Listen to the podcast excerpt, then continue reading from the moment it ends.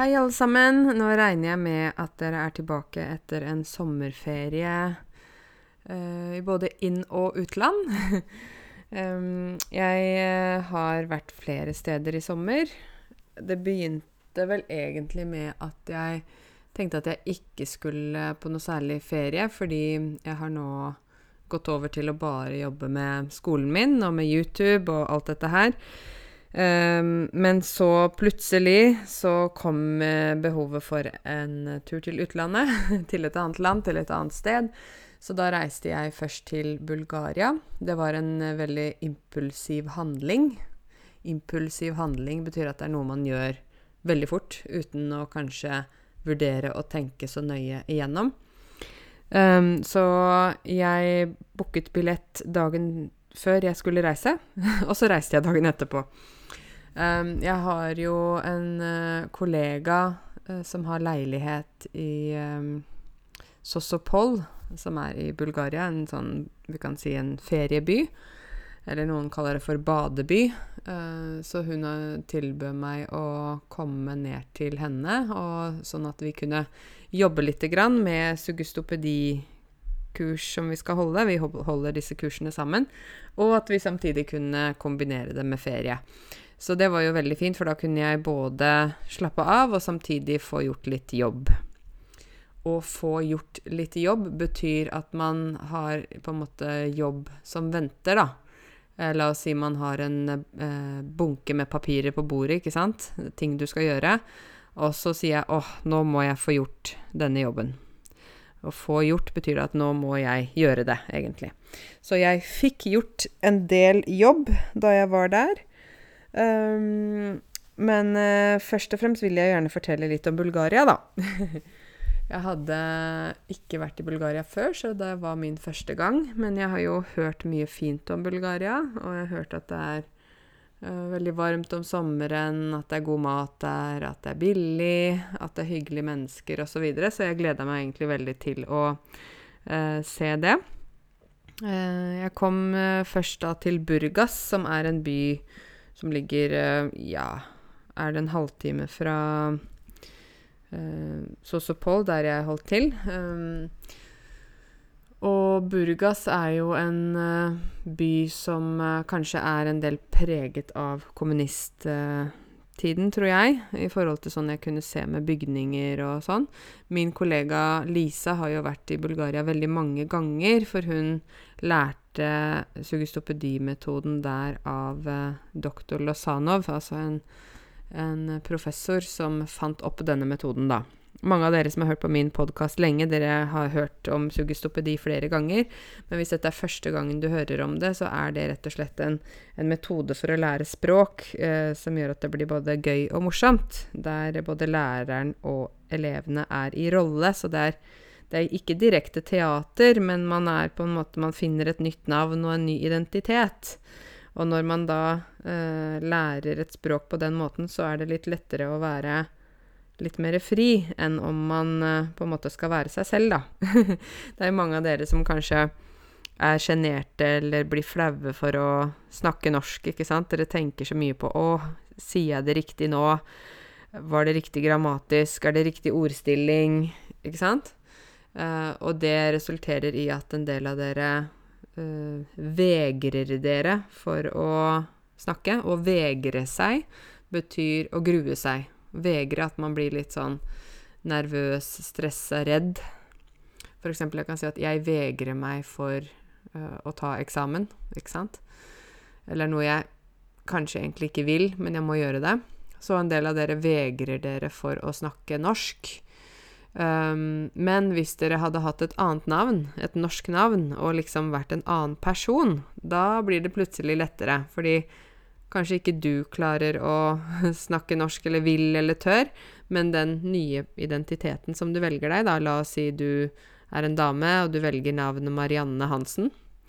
Uh, og Marianne, hun er jo norsk, så hun kan snakke veldig lett. ikke sant? Så uh, det er den metoden, da. Du kan lese mer om den metoden på suggestopedi.no. S-u-g-g-e-s-t-o-p-e-d-i.no. Suggestopedi.no. Da kan du lese mer der hvis du er interessert i å vite om det. Så um, tilbake til Bulgaria. Det var varmt, men ikke så varmt at jeg kokte bort. Å koke bort betyr at man Du vet når du koker en suppe, eller du koker vann veldig lenge i en kjele, så lenge at vannet forsvinner. Ikke sant? Da blir det borte. Så jeg kokte ikke bort, men det var varmt nok. Um, jeg var da på et sted som heter Santa Marina, som egentlig er sånn ferieby, som er bygget opp rett ved en, den gamle byen som heter Sosopol. Um, og det var litt sånn der, Folk har da leiligheter der, det er restauranter der, det er bassenger der, det er uh, veier uh, der man ikke kan kjøre bil, og det er um, ja, folk som jobber der som fikser alt, egentlig. Så det var jo veldig fint. Det var jo litt sånn deilig at alt var på plass.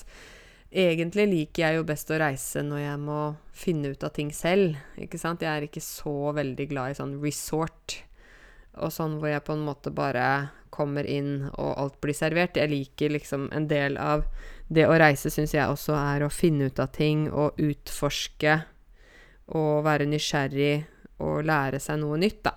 Men av og til kan det jo være deilig å bare ha en ferie der man uh, bare skal slappe av. Der målet er å slappe av. Ikke at man skal liksom løpe rundt overalt og styre. Å styre, det er noe som vi bruker på forskjellige måter. Da. Man kan jo styre f.eks. en båt, ikke sant? Uh, til riktig, i riktig retning. Men jeg kan også styre med ting hjemme, f.eks. at jeg rydder litt, jeg jobber litt, jeg lager mat, jeg gjør mange ting på en gang. Da sier jeg at jeg styrer. Og så kan vi si at uh, det blir mye styr det betyr at det blir litt kaotisk, f.eks. Det blir mye styr hvis jeg skal ha med Bahia på en konsert. Det blir mye styr. Fordi dere kjenner Bahia, hunden min. Hvis jeg skal ha med henne på en konsert, så har jeg henne i bånd, og så må hun ha vann, og så må hun gå på do, og så må jeg gå inn og ut av konserten. Uh, ja, det blir mye styr. Skjønner du da at det er litt sånn kaotisk? Så da da tar jeg ikke med Bahia på konsert, f.eks., for eksempel, fordi det blir så mye styr. Um, vi uh, I Bulgaria så var vi mye ved sjøen. Det, jo, det ligger jo ved Svartehavet, denne uh, byen Sosopol, så vi var bada i Svartehavet. Det var det første gangen som jeg bada i Svartehavet. Jeg har bada i veldig mange hav i verden, egentlig. Jeg bada i Atlanterhavet, selvfølgelig, og Nordsjøen, som tilhører Norge. Jeg bada i Stillehavet. Pacific Ocean, hvis du ikke vet hva Stillehavet er. Jeg bada i Det indiske hav. Um, jeg har bada i um, nå Svartehavet. Jeg bada i uh, Dødehavet når jeg var i Jordan, ikke sant. Jeg bada i Middelhavet, altså Mediterranean Ocean, som ligger ved ja, Hellas og Libanon og rundt der. Så ja, jeg har bada i veldig mange hav. Det er noen hav jeg ikke har bada i ennå, men eh, det får vi sette oss som et mål. Når jeg sier sånn 'det får vi sette oss som et mål', så snakker jeg om meg selv, faktisk. Um, det, er sånn, det, er litt sånn, rart. jeg snakker om meg selv i andre person. Det får vi gjøre. Da mener jeg på en måte meg selv, da. Kanskje også noen venner, ikke sant? Um, så øh, jeg syns det er veldig deilig å bade i saltvann. Jeg føler at det er sånn bra for både huden og, og håret. Jeg har jo eksem på hendene mine. Uh, eksem som jeg har egentlig hele året, så det er det vi kaller for atopisk eksem. Det er ganske mange i Norge som har det. Jeg tror øh, Kanskje det er fordi vi har sensitiv hud, eller noe sånt. Min mamma hadde jo eksem, så jeg tror jeg har fått det fra henne, dessverre. det er veldig plagsomt, jeg må smøre meg med krem og sånn hele tiden. Men når jeg er i saltvann, så blir det borte. Når jeg er i saltvann og varme. Den, den kombinasjonen gjør at eksemen min forsvinner. Eh, I hvert fall en periode. Når jeg kommer tilbake til Norge, så her er det jo ikke så varmt. Her, er, her bader jeg ikke i saltvann, i hvert fall ikke hver dag. Og eh, det er eh, tørrere luft. Og da kommer eksemen tilbake med en gang. Om vinteren er det helt forferdelig. Da har jeg mye eksem. Da er det vondt. Men jeg prøver å være flink til å smøre meg med krem hver dag, da. Um, I Norge er det faktisk en god del folk som har både eksem, psoriasis, uh, astma og mange allergier. Mye forskjellige ting. Um, jeg tror det kan komme av klima. Det, men dette med allergier, da, at mange er allergiske for veldig mye, det tror jeg kan komme generelt også av maten vi spiser. ikke sant? At mye av det vi spiser, ikke er naturlig. Uh, dette er bare min hypotese, da. Min teori. Det er jo ikke sikkert det er sant, men jeg tenker at vi, vi spiser jo mye mat som er um, på en måte behandlet. Eller industriell mat, eller uh, Ja. Vi spiser liksom ikke det som er naturlig, og da kan man jo få allergier, tenker jeg. Og så har vi jo um, som jeg har jo bjørkepollenallergi, sikkert mange av dere også som har allergi. Og det er jo øh, ikke så rart at folk blir allergiske her i Norge, fordi om vinteren så er det ingenting. Da er det ikke blomster, det er ingen trær som øh, liksom har blader og pollen og sånt. Alt er liksom helt uh, fri for det. Og så kommer våren, så sier det pang! Så kommer det bjørkepollen og pollen fra diverse andre planter. Og da er det ikke så rart at kroppen får litt sjokk. Så det er mange av dere kanskje som har oppdaget at når dere har kommet til Norge Uh, og så første våren her, første sommeren våren, så begynner dere å nyse og sånn. Og det er kanskje fordi kroppen får litt sånn sjokk, ikke sant. Sånn som i Ja, la oss si vi tenker på et varmt land, da. Um, Egypt, ikke sant. Der er det jo ikke vinter sånn som vi har det. Der er det jo alltid uh, varmt, mer eller mindre. Så da får man ikke sånn pollensjokk, da. Uansett. Um, i Bulgaria syns jeg det var veldig fint. Jeg er jo veldig glad i historie, så jeg syns det var veldig spennende å gå i gamlebyen i Sosopol og se disse her uh, festningene, disse murene rundt uh, byen. En festning. Man sier på engelsk 'fortress'. Uh, det var veldig fint å se, for det, det, er jo alltid sånn at byer ofte ligger ved vann. De ligger strategisk plassert, ikke sant, i forhold til skip og sånn. For før før bussen, bilen, eh, toget, fly, ikke sant, så reiste man med båt. Og da var det naturlig at byene ofte ble til ved en havn. Havn, det er der båtene parkerer. Så var det jo også sånn at man uh, i mange byer bygde da festninger. Uh, disse høye murene, sånn at man skulle beskytte byen, ikke sant. Vi har jo det f.eks. i Oslo Akershus festning. Og um, jeg syns det er veldig fint å se, og så fint å se hvordan de da bruker denne festningen i dag til restauranter, til at folk kan sitte ute der og se ut mot havet, se solnedgangen. Det er jo veldig vakkert, da. Jeg spiste mye god vegetarmat i Bulgaria. Jeg er jo vegetarianer, så det betyr for meg at jeg ikke spiser kylling, kjøtt, fisk og skalldyr. Uh, så jeg spiser f.eks. ikke reker, jeg spiser ikke krabbe, jeg spiser ikke fisk eller kylling. Mange sier 'er du gal, hvordan går det an, du kan jo ikke leve uten kjøtt, Karense, du kan dø'. Nei, jeg dør absolutt ikke. Tvert imot. Um, det var uh, sesong for aubergine der, uh, og tomater. De har veldig deilige tomater der. Sånne sol eh, tørkede tomater og også tomater, sånn ferske tomater. Så jeg spiste masse godt, egentlig.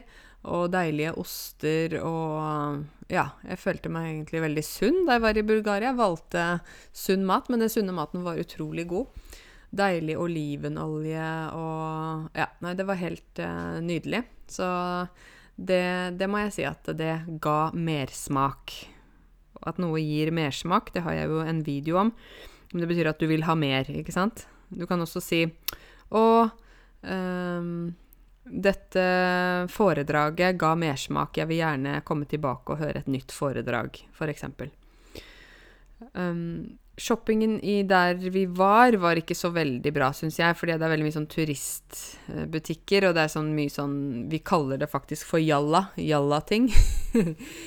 jalla er jo arabisk ord som betyr som kom. Jalla. Kom eller gå, eller ja. De sier jo jalla. Men vi i Norge så sier vi at noe er jalla når det, når det er noe som ser billig ut, eller litt sånn plastikk, ikke så god kvalitet, da. Og jeg tror det kanskje er fordi um, i mange av landene der man bruker ordet jalla, altså man snakker arabisk, så har det jo vært mye turisme, og da har det jo vært mange, i mange år sånne plastikkting som har blitt produsert. Og da har vi tatt dette inn i vårt vok vokabulær og kaller ting da for jalla. At det er noe som er jalla. Så mye jalla der. Så jeg kjøpte faktisk ikke så mye. Det var jo bra for lommeboka mi at jeg ikke handla så mye. Um, men det var veldig billig generelt, da. Det var billig å ta taxi, det var billig å spise, det var uh, Altså jeg følte at alt var billig. Veldig billig. Nesten latterlig billig. Når noe er latterlig billig, så er det så billig at du nesten må le. men alt er jo billig i forhold til Norge, egentlig, da. Um, så det var jo fint at man ikke blir blakk når man er på ferie. Å bli blakk betyr at du ikke har noe penger igjen i det hele tatt. har du blitt blakk noen gang? Det har jeg. Og det er ikke gøy, for da har man rett og slett ikke en krone omtrent. Så ja. Um, en dag så var vi inne i Burgas, den andre byen. Jeg syns ikke den var like fin som Sosopol. Sosopol er jo historisk og en gammel, pen by, mens Burgas er mer sånn, ja, som jeg sa, bærer preg av kommunisttiden. Å bære preg av noe betyr at det er påvirket av noe, eller at du kan um, på en måte se at noe har vært sånn. Um, for eksempel hvis noen dør, da. Kan, hvis det er en kone som mister mannen sin, uh, så kan man si at hun bærer preg av uh, at mannen hennes har gått bort. Da kan du se at ansiktet på en måte viser at hun uh, er trist, ikke sant? Og hvis jeg sier at Burgas eh, bærer preg av kommunisttiden, så kan du se at byen Burgas har på en måte noen kommunistbygninger og ja, litt sånn. Um, Lisa og jeg snakket jo en del om det med kommunisme og hvordan det egentlig var. Uh, hun har vært veldig mange ganger i Bulgaria og opplevde Bulgaria under kommunisttiden. Uh, og det at det var veldig, en veldig sånn trist periode. Det var uh, folk uh, sultet. Altså å sulte er et verb. Det betyr at du ikke får mat. Så folk sultet. Uh, folk var triste. det var generelt en veldig trist situasjon.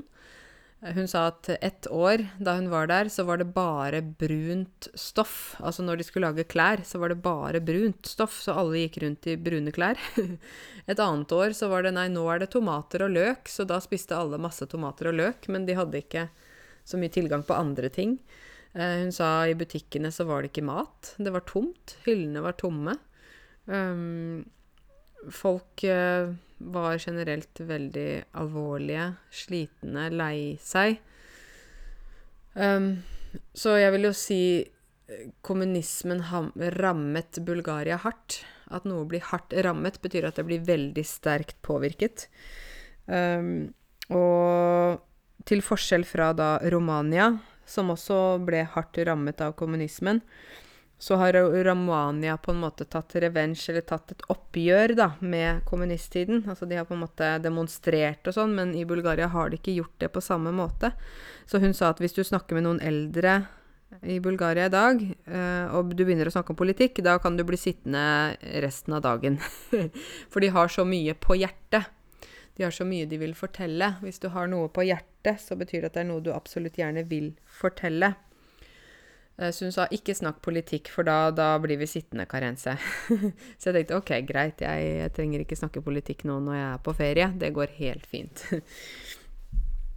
så øh, jeg vil si at alt i alt hadde jeg en veldig avslappende og deilig uke i Bulgaria. Jeg ble brun, og jeg fikk spist god mat, og øh, fikk bada mye og sånn. Syns det er Det er liksom Så sommerferie er litt sånn, da. Det er ikke sånn opplevelsesferie, kanskje, men, eh, men, det er sånn ferie hvor man får sol og bad og ja.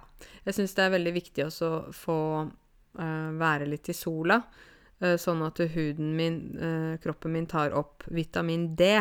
Det er jo kanskje også mange av dere som har opplevd at dere får vitamin D-mangel i Norge. Rett og slett fordi vi ikke har så mye sol. Um, og da er det fint hvis man reiser på ferie og prøver å være litt mer i sola.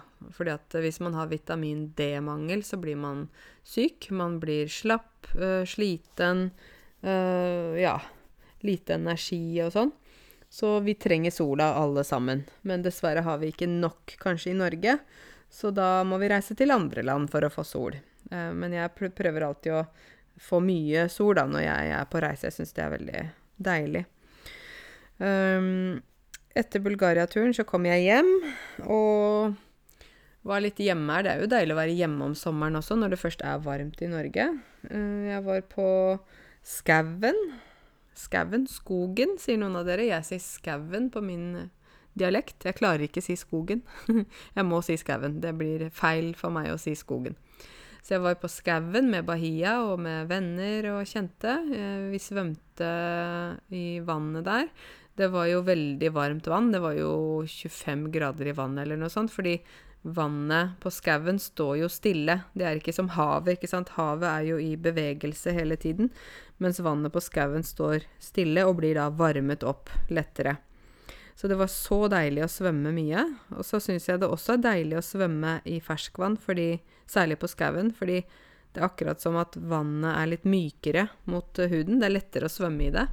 Og så er det også uh, stille vann, ikke sant, så du har ikke bølger som forstyrrer deg når du, når du svømmer, da. Så jeg svømmer faktisk sammen med Bahia. Hun elsker å svømme, hun elsker vann. Eh, så det er litt gøy, da. Jeg føler at eh, min hund er en hund som jeg kan ta med på egentlig alt. Vi går på ski om vinteren, vi sykler, løper og svømmer om sommeren. Jeg kan ta henne med på lange turer. Hun kan være med eh, når jeg besøker noen. Hun uh, er snill med barn. Hun er snill med alle, egentlig. Veldig, veldig fornøyd med den hunden. nå er det jo det nyeste som skjedde i sommer nå i forhold til hund, er jo at um, Hund, da mener jeg ikke hun, henne, altså ikke pronomen, men hun. H-u-n-d. Bikkje. Det er det at eh, en av døtrene til Bahia Dere vet kanskje at jeg, hun fikk valper for noen år siden, Bahia. Hun fikk åtte valper. Uh, og en av uh, døtrene hennes fikk uh, valper selv nå i juli. Så Bahia er nå bestemor, og jeg er nå oldemor.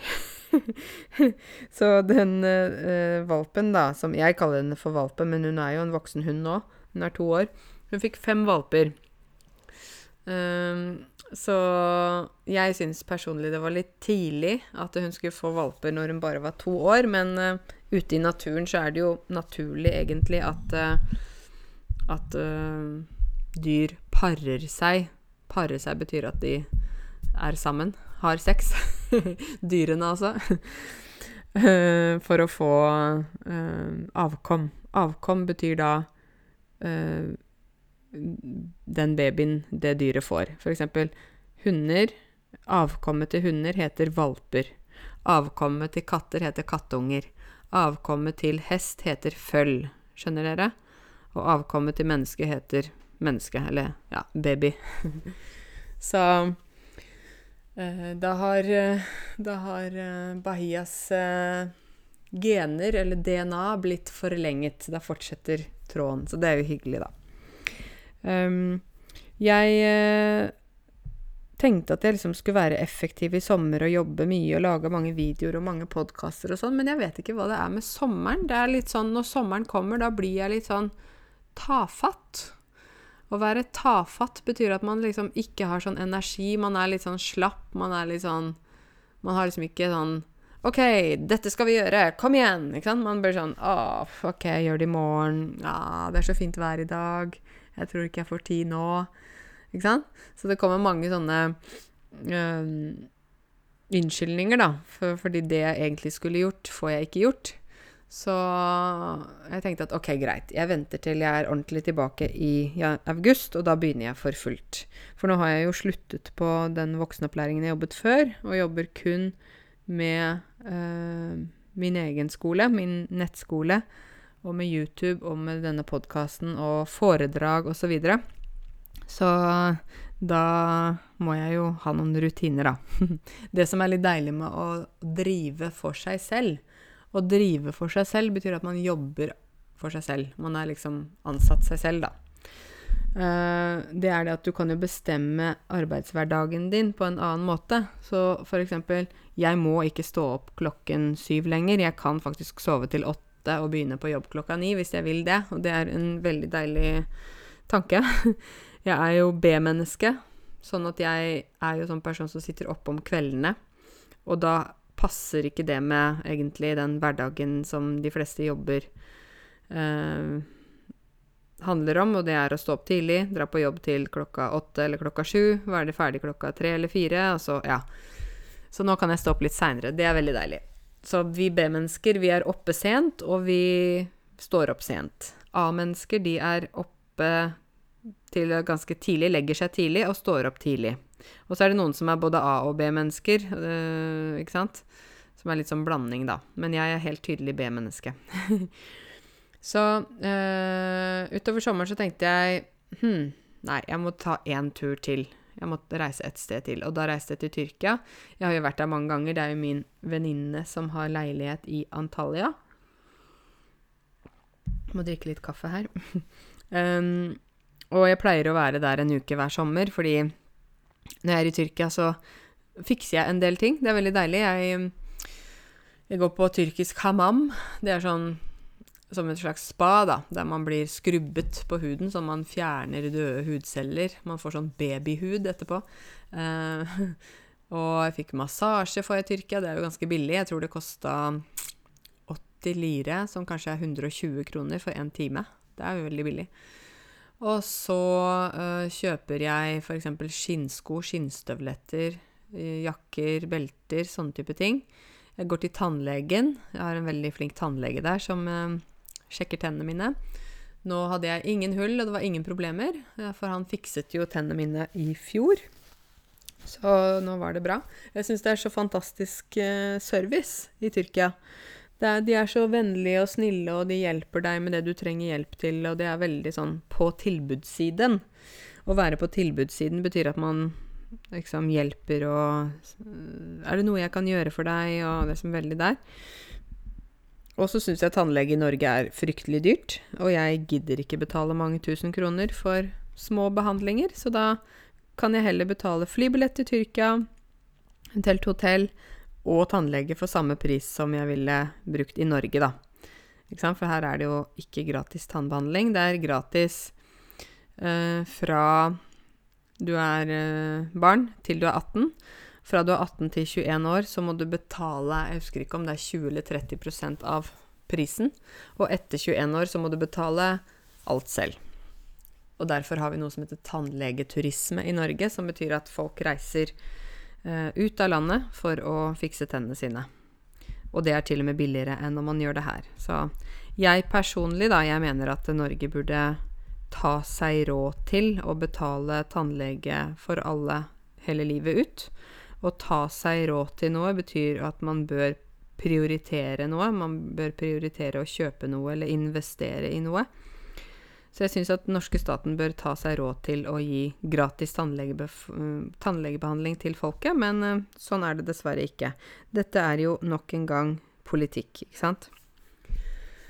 Um, når det gjelder um, Tyrkia, så er det veldig varmt. Det er jo ikke ikke Svartehavet, men det er Middelhavet. Så det var enda varmere i Tyrkia enn i Bulgaria. Det var noen dager hvor det var 45 grader, men det var jo i sola, da. Men det var varmt, altså. Um, jeg sier varmt, varmt, mens noen sier varmt. Så det er også litt sånn dialekt. Jeg har noen ord i dialekta mi som jeg bare ikke klarer å bytte ut. Eller ikke vil bytte ut, kanskje. Varmt. God helg. Oi, der er en elg. Eller 'jeg går på tur i skauen'. Ja. det er noen sånne ord som jeg bare Ja, det bare er sånn. Um, og jeg vil jo anbefale dere å reise til Tyrkia hvis dere kan det. Hvis dere liksom vil ha et sted hvor det både er god mat, det er billig, det er Jeg syns det er trygt. Jeg opplever ikke noe annet enn det. Um, og hvor du kan få kjøpt en del sånne ting som man kanskje trenger, ikke sant. Som jeg sa, sko, jakker. Jeg kjøpte meg et mm, nye briller. Jeg eh, kjøpte noen fine klær. Jeg kjøpte med en god del mat hjem. Altså sånn Jeg kjøpte valnøtter, jeg kjøpte tørkede dadler og aprikoser og litt oster og ja. I Tyrkia pleier jeg å handle en del. Det er liksom sånn det er. Uh, og når jeg skulle tilbake, så Zainab, venninna mi, pleier også å ha med seg mye mat, så da spurte hun pent om, om jeg kunne ta med to kilo med aubergine til hennes mor, fordi mammaen hennes hadde hatt operasjon i, i, sommer, så hun kunne ikke reise som hun alltid pleier å gjøre. Så da tok jeg med uh, to kilo aubergine til moren til Zainab, som ble så utrolig glad for det. Fordi grønnsakene der smaker mye bedre, syns jeg, enn grønnsakene her. Fordi grønnsakene i Norge, som ikke kommer fra Norge, da, ikke sant, de, som, de grønnsakene har jo reist. Og når de grønnsaker reiser, så blir de på en måte dårligere. Mens når man tar de rett fra en hage eller uh, sånn, så er det jo veldig deilig, da. Deilig smak. Um, når jeg kom tilbake fra Tyrkia, så hadde jeg et par dager hjemme før jeg hadde Forrige uke så hadde jeg foredrag for alle voksenopplæringene i Buskerud. Uh, jeg ble bestilt, eller de bestilte meg eh, i jeg tror det var april, ja. Så sa jeg ja til det. Og da skulle jeg snakke litt om YouTube-kanalen min og podkasten og litt hva jeg driver med, og underviste lærerne litt. Jeg syns det er gøy å undervise lærere, fordi um, jeg er ganske kreativ. Så jeg, når jeg underviser eller har foredrag da, for lærere og sånn, så får jeg de til å være veldig aktive. Uh, og jeg får de til å le, og får de til å smile, fordi det er veldig kjedelig noen ganger å sitte på sånne seminarer. Det vet kanskje du selv også, jeg vet ikke hva du jobber med. Men når man har sånn, sitter på sånn kjedelig seminar hvor det bare er sånn åh, innmari kjedelig Det er mer gøy hvis man kan le litt, man kan gjøre litt aktiviteter. Ikke sitte hele tiden, ikke sant. Være aktiv. Så jeg, jeg tror det fungerte bra. Uh, og jeg tror at jeg kommer til å gjøre mer av dette etter hvert. Altså ha flere sånne foredrag da, for skoler og forskjellige steder der um, jeg blir invitert. Um, jeg skal jo denne høsten på flere Give a Job-arrangementer. Give a Job har jeg snakket om før.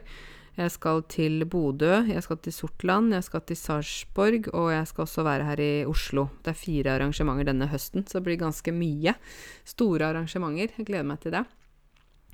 Eh, og på søndag som var nå, så ble jeg invitert av Den syriske foreningen i Akershus til å komme på id-feiring eh, der. Det var jo kjempehyggelig. Det var eh, god mat, og det var arabisk musikk, og det var eh, ja, alt mulig. Jeg syns det er veldig pris på å komme på sånne arrangementer, da, og bli invitert. Jeg syns det er veldig hyggelig. Det er veldig hyggelig å se hvem folk er, ikke sant.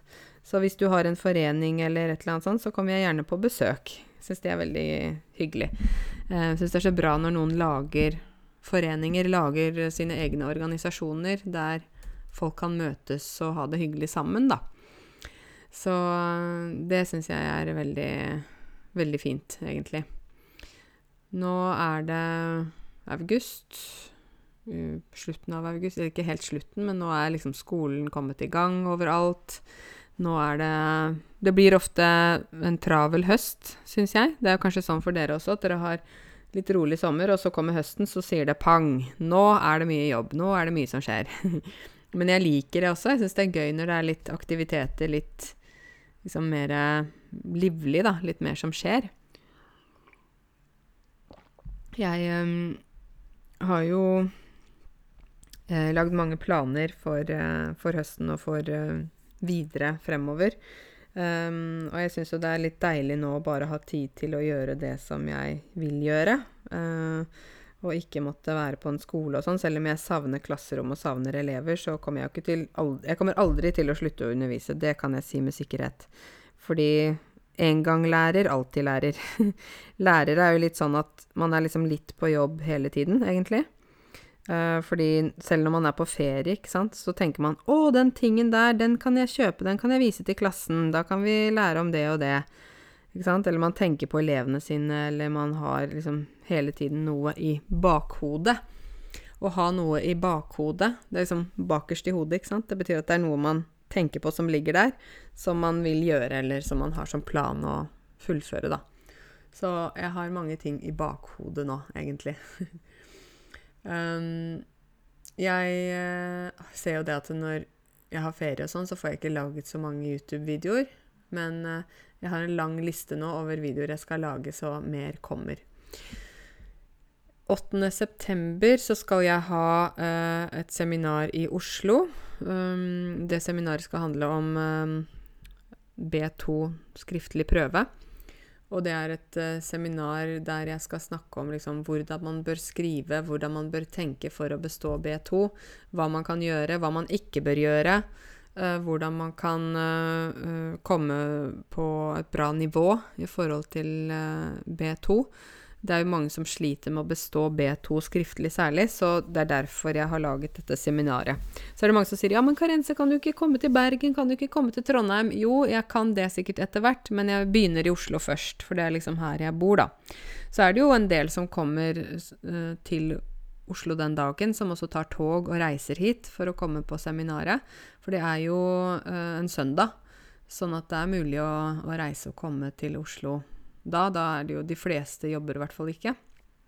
Så hvis du har lyst til å bli med på det seminaret, så, så kan du gå inn på en webside som heter deltaker.no. D-e-l-t-a-k-e-r. Deltaker.no. Og da kan du bare søke karense der, så finner du det seminaret. Eventuelt så kan du jo sende meg en e-post hvis du vil ha mer informasjon, og det er karense, alfakrøll, note.no. Ganske enkel e-post, egentlig. Um, jeg syns at uh, det er morsomt å skape sin egen arbeidsplass. Jeg vet ikke om noen av dere har eget firma, om liksom, eller om dere har hatt det hjemlandet før. Jeg vil jo si at i mange land så er det veldig vanlig å ha en eller annen bedrift eller en eller annen business. Mens i Norge så føler jeg at en del um, folk er litt redde for å starte bedrift. De er litt forsiktige. De er litt bekymret for å komme til å bestå? Kommer eh, jeg til å forstå alt dette her? Ikke sant? Fordi at uh, det er så mye sånn Mye å lese. Mange regler. Mange bestemmelser som gjør at mange kanskje føler at nei, hvis jeg skal ha bedrift, så blir det bare stress og uff, jeg må huske på skatt og regnskap og alle disse tingene. Og så blir man kanskje litt sånn demotivert, da.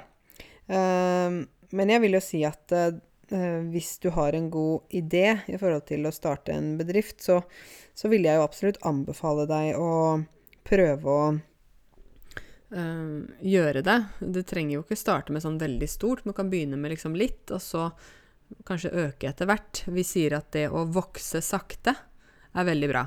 Å vokse sakte, det betyr at du du ikke sier liksom pang at din bedrift går rett til himmels. Forstår du det uttrykket? Å gå til himmels. Det betyr at ting går liksom rett opp. Men at det går rolig et steg av gangen. ikke sant? At bedriften begynner litt og litt og litt å bli større. Sånn har det vært med min bedrift. Eh, min mamma har jo også bedrift. Hun er interiørdesigner. Eh, og da hun begynte med det, så eh, fikk hun først én kunde og én kunde. ikke sant? Hun jobber med interiør, da. Hvordan det ser ut inni hjemmene til folk, og også offentlige bygg, f.eks. skoler og sykehjem og sånn. Og så har hun fått flere og flere kunder, og så er det noe som heter jungeltelegrafen. Du vet, i en jungel, hvis vi sier Amazonas, så vet du hva en jungel er. Hvis jeg roper i jungelen 'hallo', ikke sant? Jeg roper ut, så kommer det tilbake ekko. 'Hallo'. Så hvis jeg sier eh, 'jeg har en nettskole', så kommer det tilbake 'jeg har en nettskole', skjønner du? Jungeltelegrafen kaller vi det. At uh, ordene sprer seg da via, via andre, egentlig. Sånn at det, og det er jo egentlig den beste markedsføringen, at noen har erfaring med noe og kan fortelle direkte sånn førstehåndserfaring. Må si at 'Å, dette produktet er bra', eller 'Du må gå på den restauranten, der har jeg spist, det var veldig god mat', eller 'Du må prøve Eh, det norskkurset der, eller du må reise til den eh, byen på ferie. Ikke sant? Det er sånn førstehåndserfaring, da man får anbefaling fra andre. Og det resulterte faktisk i at uh, min mamma har hatt bedrift nå i over 15 år. Hun uh, gjør det bra. Hun har hele tiden noe å gjøre. Hun har pusset opp mange steder. Um, for en del år siden så vant hun et anbud. Um, på å pusse opp alle boligene til stortingspolitikerne. Fordi de, når de er politikere og sitter på Stortinget, så får de jo sånn øh, bolig av staten hvor de bor, ikke sant? Sånn gratis bolig. Sånn som Erna Solberg. Hun bor nå ikke i sitt eget hus, men hun bor i en sånn statsministerbolig, da. Så mamma har pussa opp ikke det at hun har selv stått og malt og sånn, men hun har ansvar for prosjektet, og så leier hun inn folk som da både maler og lager nye bad og henger opp gardiner og sånn, ikke sant? Um, og det med anbud, det er kanskje I hvert fall i Norge er det veldig sånn vanlig når, når det offentlige trenger en tjeneste, så må de legge ut uh, uh, den tjenesten på anbud. For eksempel um, en, uh, Et sykehjem skal pusses opp. Da kan ikke de bare selv begynne å finne snekkere og begynne å finne folk. De må legge det ut på nettet på anbud og si at vi, vi skal pusse opp sykehjemmet. Vi skal pusse opp alle rom. Vi trenger nye møbler. Vi trenger skifte gulv. Vi trenger sånn og sånn. Og så kommer da forskjellige firmaer og sender inn tilbud på anbudet. Og da er det jo sånn at de vet jo ikke eh, hva som er den økonomiske rammen. Eh, den økonomiske Eh, delen i forhold til budsjettet, ikke sant. Sånn at hvis man sender inn, sånn som min mamma sendte inn til regjeringen da når det var i forhold til Stortinget, dette anbudet med å pusse opp alle stortingsboligene, så visste hun jo ikke hva de andre firmaene hadde skrevet, eller hvilket budsjett de hadde, eller hvor mye det kostet. Så man må liksom bare prøve å finne en um, Må prøve å finne uh, en pris, og så håpe at man kanskje med den prisen vinner anbudet. For da har man jo en sikret jobb f.eks. i tre år. Jeg tror min mamma jobba tre år med de boligene. Uh, og når du har egen bedrift, så må du jo hele tiden lete etter jobb på en måte selv. Hvis ikke jobben kommer til deg. Og det kan jo være litt stressende. Så hvis man vinner sånne offentlige anbud, så er jo det ofte veldig sikre penger, da. Så ja. Uh, jeg har jo vært med på en del anbudsrunder når jeg jobba andre steder, der de på en måte hele jobben der har vært eh, basert på anbud. Det betyr at eh, jeg jobbet i en bedrift, f.eks. De drev med kursing, norskopplæring, alt mulig. Og de var veldig avhengig av å vinne anbud. Ikke sant? For hvis de ikke vant anbud, så var det jo flere av de ansatte som ikke hadde jobb. Så de holdt jo på med det hele tiden. Men det er ganske slitsomt, egentlig. Um, jeg syns likevel det er bra at det offentlige må gjøre det, må sette ting ut på anbud, fordi i mange land er det mye korrupsjon. Man kan liksom bare La oss si jeg er leder for det sykehjemmet, og jeg skal pusse opp, så kan jeg gi den jobben til min beste venn. Fordi jeg vil at min beste venn skal tjene penger, eller jeg vil at min bror skal få prosjektet, ikke sant. Um, og da er det kanskje ikke det, den beste firmaet som jeg får tak i. Jeg får tak i det firmaet som jeg liker best. Og det er kanskje heller ikke det billigste, ikke sant. Jeg betaler som jeg vil. Mens her så må, siden staten ikke sant, får jo pengene fra skatten Sånn et offentlig sykehjem er jo finansiert av velferdsstaten. Og da blir det veldig feil hvis det sykehjemmet skal bruke masse, masse, masse unødvendige skattepenger. Vi betaler jo skatt, ikke sant? Da er det jo vi som betaler for det. At uh, uh, det sykehjemmet blir pussa opp. Og da må de tenke på budsjett og pris og sånn. De kan ikke bare kaste rundt seg med penger, ikke sant. Uh, men jeg vet jo det at i mange land så er det korrupsjon. Det er masse korrupsjon. Vi har det i Norge også. Jeg vil jo si at vi har korrupsjon f.eks. når noen blir ansatt fordi noen kjenner noen, ikke sant. Det er jo en form for korrupsjon. Du skal jo heller søke på en jobb og bli vurdert på lik linje med alle de andre kandidatene. Ikke sånn at du skal få en jobb fordi du kjenner sjefen i den barnehagen, f.eks., så fikk du jobb. Men Norge har ikke like mye korrupsjon som mange andre land, da, der man må betale for å få ting hele tiden, ikke sant? Uh, hvis man har penger, så har man, kan man betale og bestikke myndighetene. Og bestikke Uh, bribe betyr det på engelsk. Og bestikke betyr at man, man sier 'hei, ta, ta disse 1000 kronene her, så fikser du dette papiret for meg', ikke sant? Bare ta de 1000 kronene. Man sier det til f.eks. noen som jobber på et offentlig kontor, da. Og så tar de imot pengene, og så fikser de um, hva nå enn de trenger. Det er jo å bli bestukket, da.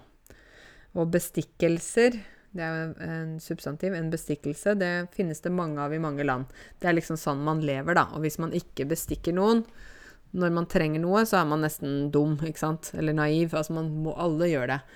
Men jeg vil jo si at korrupsjonen er jo et monster, ikke sant? Eh, det er da sånn at eh, staten eller nasjonen gjennom mange år har skapt et monster. Altså I mange land hvor det er mye korrupsjon, så har man det store korrupsjonsmonsteret. Og det kan man ikke bli kvitt på 1, 2, 3. Man kan ikke si i morgen OK, nå slutter vi å bestikke folk, nå slutter vi å jukse med pengene. Nå er vi ferdig med det. Nå skal alle være ærlige, og alle skal gjøre jobben sin på riktig måte. Ingen skal lyve, ingen skal ta noen penger under bordet, ikke sant?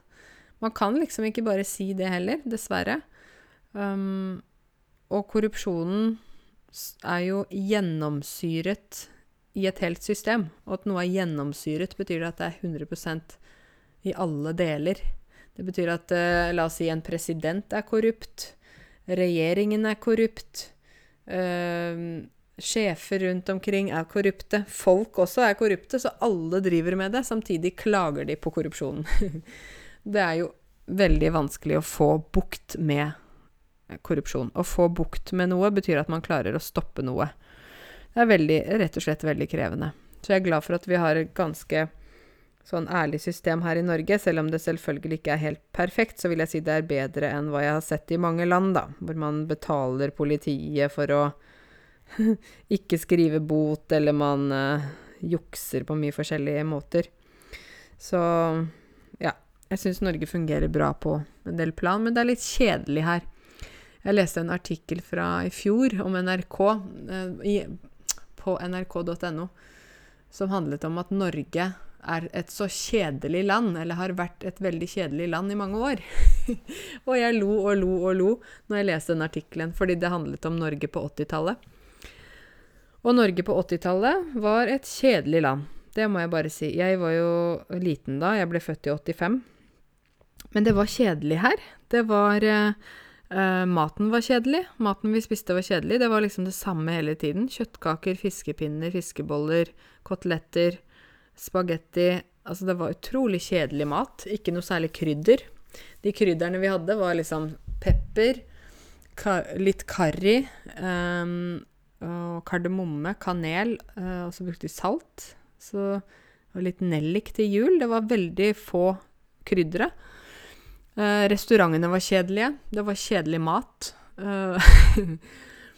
Um, utestedene Da var jo jeg liten, da, men jeg har blitt lest i den artikkelen at utestedene, diskotekene og sånn, var også veldig kjedelige. Det var, det var, kjedelig musikk. Det var altså Veldig mye var kjedelig. Det var kjedelige programmer fordi vi hadde bare én kanal, det er NRK, og én radiokanal. Vi hadde ikke noe variasjon. Um, folk var veldig like, og dette var litt sånn før innvandringen blomstret opp for fullt. Å blomstre opp betyr at det blir mye av noe. Så når det kom innvandrere til Norge, så føler jeg at Norge ble som mer spennende land, da. Det beriket landet, fordi Nordmenn er jo litt sånn Kan jo være litt kjedelige folk. Liksom snakker ikke høyt, har ikke temperament, er veldig nøytrale, ler ikke høyt, gestikulerer ikke så mye med armer og bein, er, er litt sånn beskjedne typer. Sjenerte. Så når det kom da forskjellige folk hit, så ble Norge liksom mer kult, da. Og i dag syns jeg at vi er veldig bra. I dag er det jo restauranter fra hele verden. Nordmenn lager spennende mat, vi reiser mye. Eh, vi har masse kanaler på TV, vi har musikk, vi har eh, ja, alle mulige alternativer og valg, men det var det ikke før.